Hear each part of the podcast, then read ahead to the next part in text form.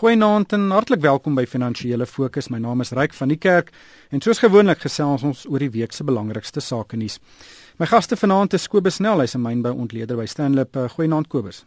Goeienaand Ryk. En Magnus Huystek, hy's natuurlik beleggingskenner by Brenters 12. Goeienaand Magnus. Hallo Ryk en goeienaand Kobus. Magnus, uh, ek het die week geluister na hulle sê Gakanyagu en die nuwe president van die Reserwebank En hy het vir my baie uiteenlopende boodskappe gegee. Aan die een kant lyk dit of inflasie heeltemal onder beheer is en aan die ander kant asof Suid-Afrika baie gelukkig gaan wees as ons enige ekonomiese groei vanjaar sien. En dit skree vir my dat rentekoerse verlaag moet word. Maar tog het Kanyago baie duidelik gesê ons moenie eintlik op die kort termyn enige verlagings verwag nie. Wat was jou indrukke?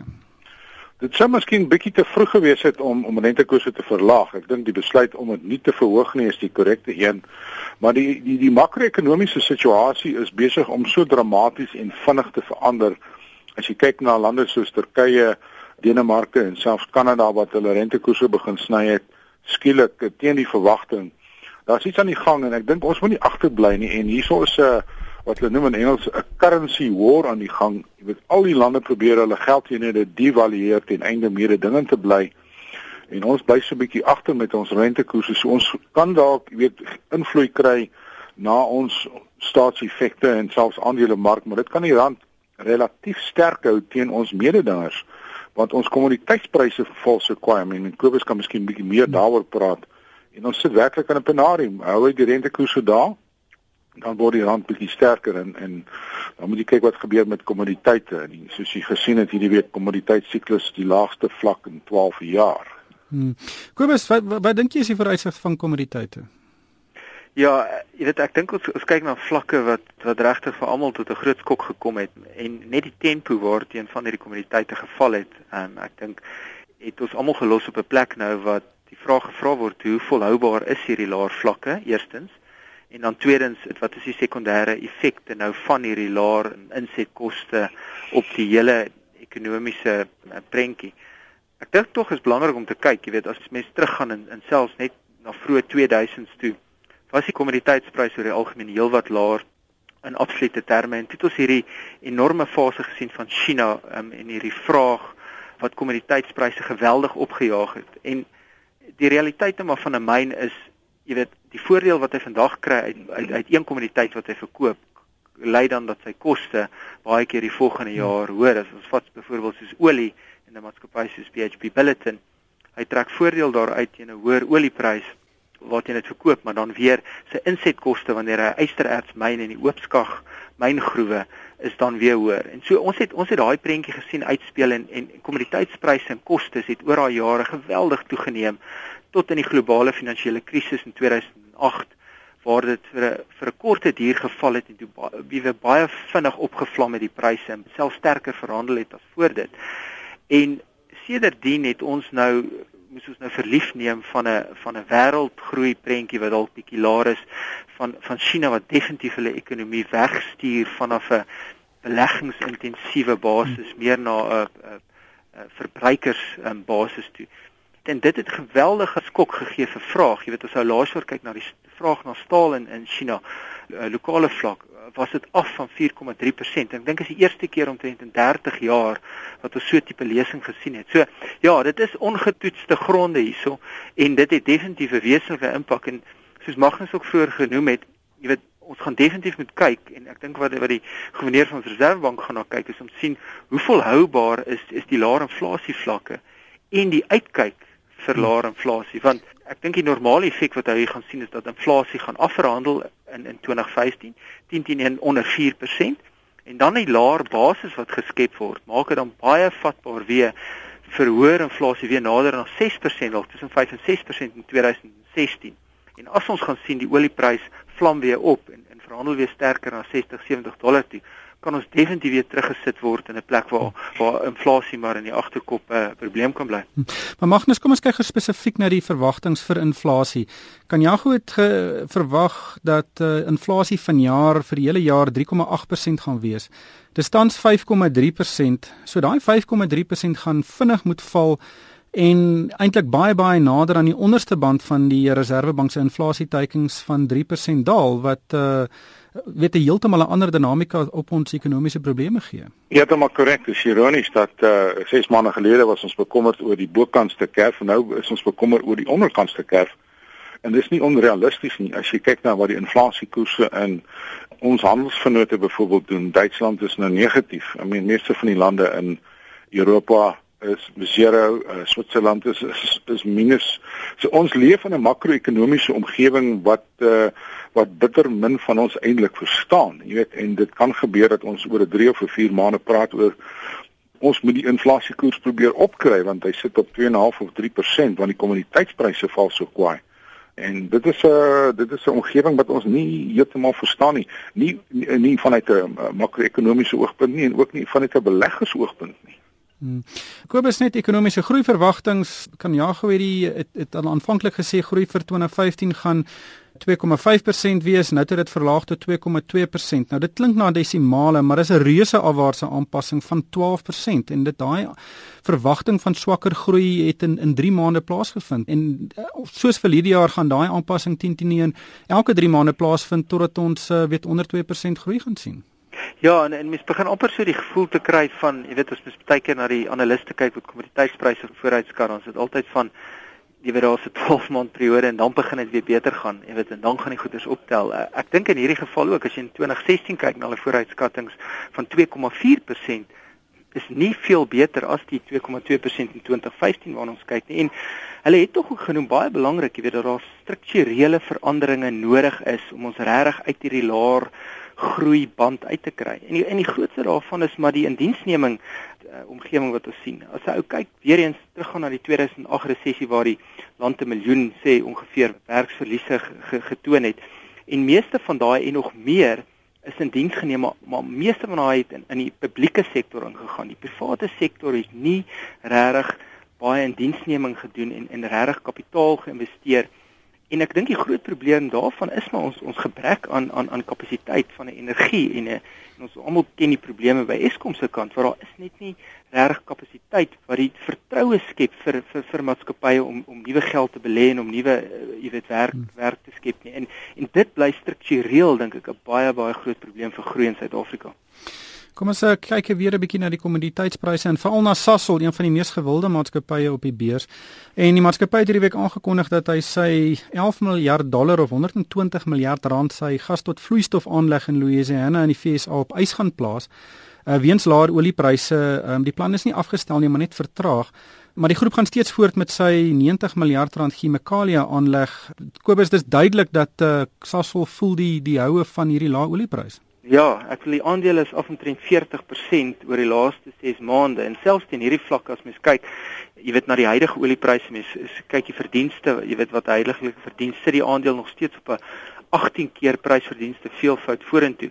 So die markprys definitief in eerstens op op, op Sasol se aandeleprys dat jy weet dat oliepryse gaan hoër verhandel.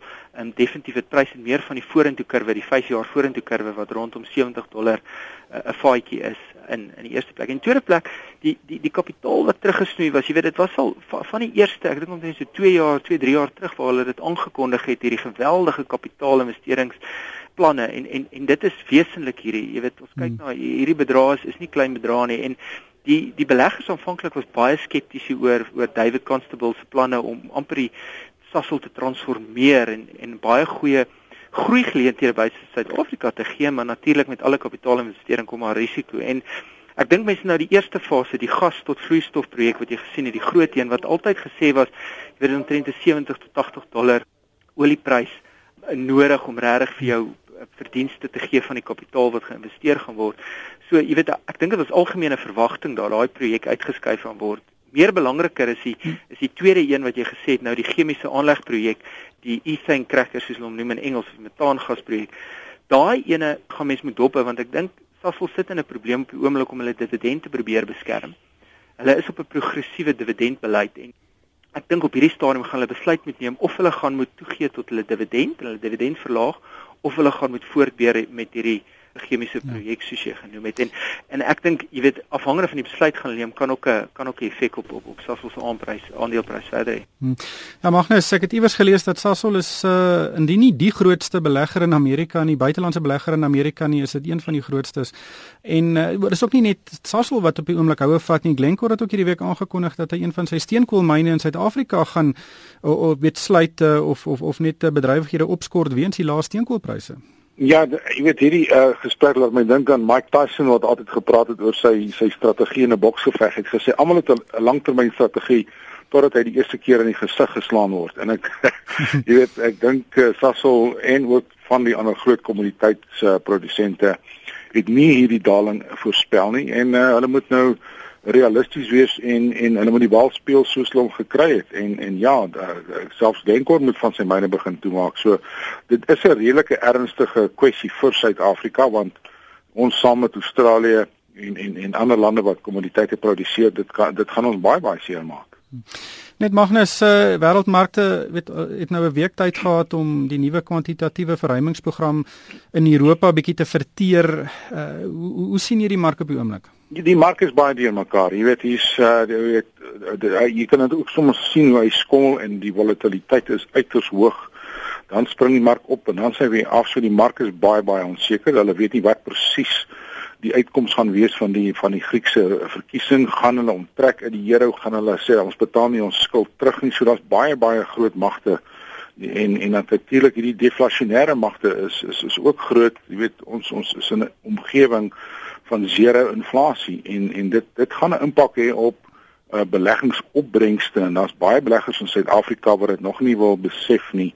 Wie die dae van 15 tot 20% groei is verby en as jy vir me, met mense begin praat en sê jy kan nie so voortgaan met jou verwagtinge nie, veral nie wanneer dit kom by lewendaniteite en sulke goeders nie, dan raak hulle omgekrap. Maar maar hulle besef nie dat groei van selfs in die aandelemark van tussen 7 en 10% per jaar is ons voorland vir die vir die volgende paar jaar. Ek weet nie wat Kobus hulle se Wat wat is die langtermyn gemiddeld groei op die JSE?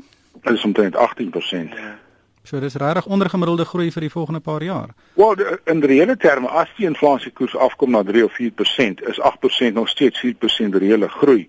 Maar daar word daar's die verwagting by beleggers wat kyk na die historiese opbrengste en dan kyk ons en dan sê hulle dis wat ek wil kry vir die volgende 5 jaar. So mense moet baie eerlik en realisties met beleggers wees en sê jy gaan dit nie kry nie. Jy moet werk en beplan op tussen 'n 7 en 'n 12% vir die volgende paar jaar. Hmm. Beleggers moet net asseblief wegbly van enige ander skema wat 20% waarborg uh, in hierdie mark. Mense kan nou duidelik hoor wat Magnus sê dat uh weet die opbrengskoerse gaan onder druk bly, moenie vir enige skemas val nie. Maar Kobus, wat is uh wat is jou siening? Ja, ek ek ek ek verneig om saam met Magnus te stem, jy weet, ek dink die verwagtinge sal moet aangepas word. Ek dink as mens heidaglik na in die mark kyk, jy weet op 'n historiese basis omtrent 17 prysverdienste veelvoud. As mens dan vorentoe kyk van omtrent 'n 6% verdienste groei, los dit nog steeds die mark omtrent op net diskant uh, 16% uh, prysveelvoud verdienste veelvoud. En jy weet, ek dink dit in die agtergrond waar ou sien wêreldwyd is word groei bevraagteken, ekonomiese groei is definitief gaan dalk 'n skaars kommoditeit word vorentoe. En ek dink die mark het al reeds met die veelvoud gewys dat hy al reeds baie van hierdie toekomstige winste en groei wat wat verwag word reeds al ingeprys het. So jy wat 'n belegger is, betaal reeds al daai pryse vir daai verwagtinge.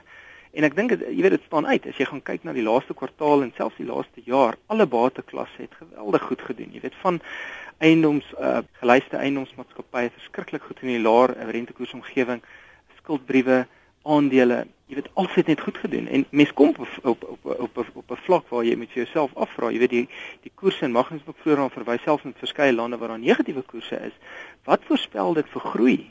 In die in die toekoms hmm. en en dan die veelvoud waar jy op verdienste betaal is 'n eintlike uh, afgeleide uh, punt van daai groei wat jy verwag. So ja, ek ek is geneig om saam met hom te stem, jy weet, die volatiliteit het geweldig toegeneem aan die einde van van van 2014 alhoewel dit relatief laag was. Mens wil nou nie die jy weet die, die beleggers op boljaag en sê jy verwag 'n groot mark ineenstorting of iets nie, maar ek dink jy weet dit wys vir net as jy kyk na die volatiliteit, as jy kyk wat die opsiemark in prys wys dit net die jy weet as 'n belegger moet 'n ou maar gebalanseerd probeer wees en en en maar maar maar versigtig wees op die stadium. Ja, ek het so 'n nuwe term ook geleer, sywaartse wisselvalligheid en ek dink dit sal seker maar in die orde van die dag wees. Magnus net laastens um, ek het 'n beter een verwagtinglose blymoedigheid. Mik laag en voorkom teleurstelling, ja. Ja. Net Magnus laastens Apple, een van my die maatskappye wat ek dink uh wat regtig innoverend is. Hy het resultate in sy eerste fiskale kwartaal aangekondig. Dis nou die laaste 3 maande van verlede jaar en luister 'n bietjie na hierdie syfers. Verkope was 75 miljard dollar, is 870 miljard rand. Die netto wins was 18 miljard dollar of 210 miljard rand. Dis die meeste geld wat enige maatskappy nog ooit in 3 maande weet kon verdien. En kontant in die bank wat natuurlik vir baie mense 'n groot aanduiding van sukses is, 178 miljard dollar.